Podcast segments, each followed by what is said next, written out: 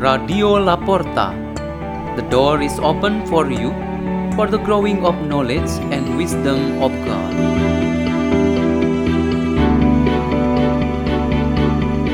Delivered by Elizabeth Mirna and Lloyd Francis from St. Peter's School in Jakarta, Indonesia.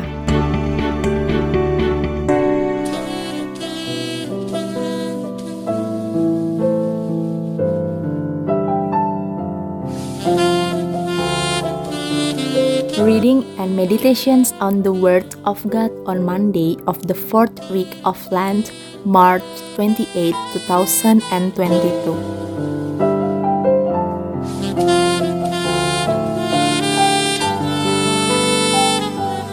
The reading is taken from the book of the prophet Isaiah, chapter 65, verse 17 to 21. Thus says the Lord Lo, I am about to create new heavens and a new earth. The things of the past shall not be remembered or come to mind. Instead, there shall always be rejoicing and happiness in what I create. For I create Jerusalem to be a joy and its people to be a delight. I will rejoice in Jerusalem and exult in my people. No longer shall the sound of weeping be heard there, or the sound of crying. No longer shall there be in it an infant who lives but a few days, or an old man who does not round out his full lifetime. He dies mere youth, who reaches but a hundred years, and he who fails of a hundred shall be thought accursed. They shall live in the houses they build, and eat the fruit of the vineyards they plant. The word of the Lord.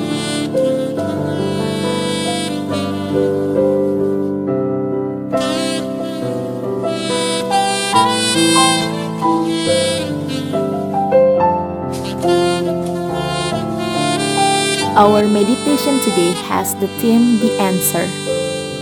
The result or achievement that we obtain is the answer to the work and processes that we have done. For example, an agreement is the answer to a discussion to equalize differences in perception. The concept is the answer to the associations of various arguments. The system is the result of integrating different elements.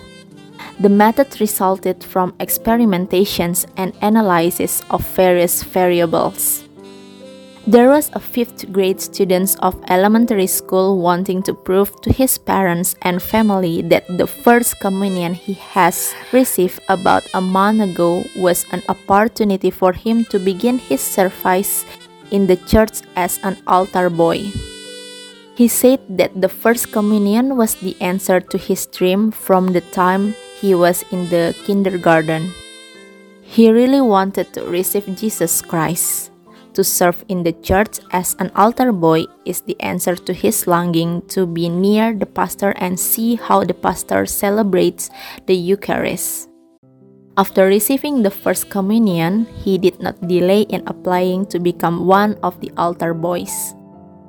The baptism we receive opens the door for everyone to find definite answer about his or her journey of faith. That answer is our participations in Jesus Christ and in his church. From here, a Christian identity is developed and it grows in the process of realizing the calling of every follower of Christ.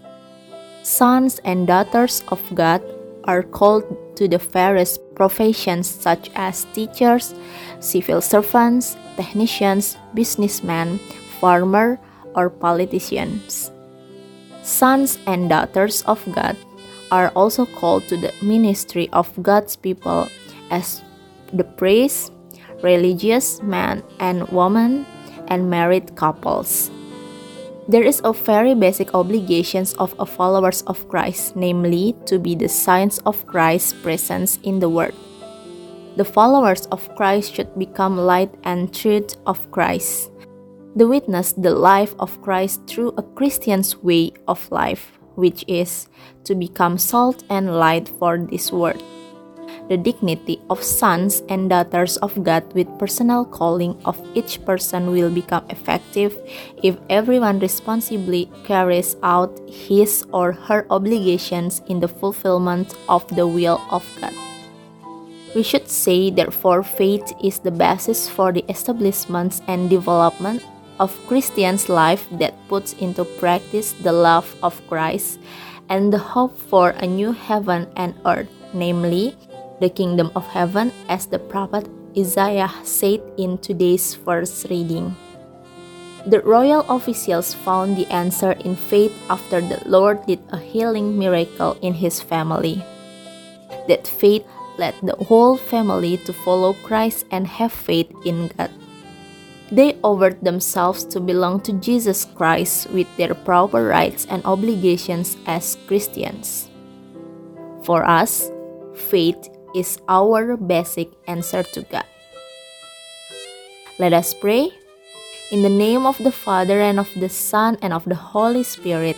Amen. O Lord Jesus Christ, thank you for the grace of the calling for each one of us, and may we always renew our faith in you.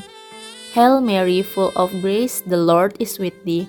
Blessed art thou among women, and blessed is the fruit of thy womb, Jesus. Holy Mary, Mother of God, pray for us sinners now and at the hour of our death. Amen. In the name of the Father, and of the Son, and of the Holy Spirit. Amen. Radio La Porta. The door is open for you.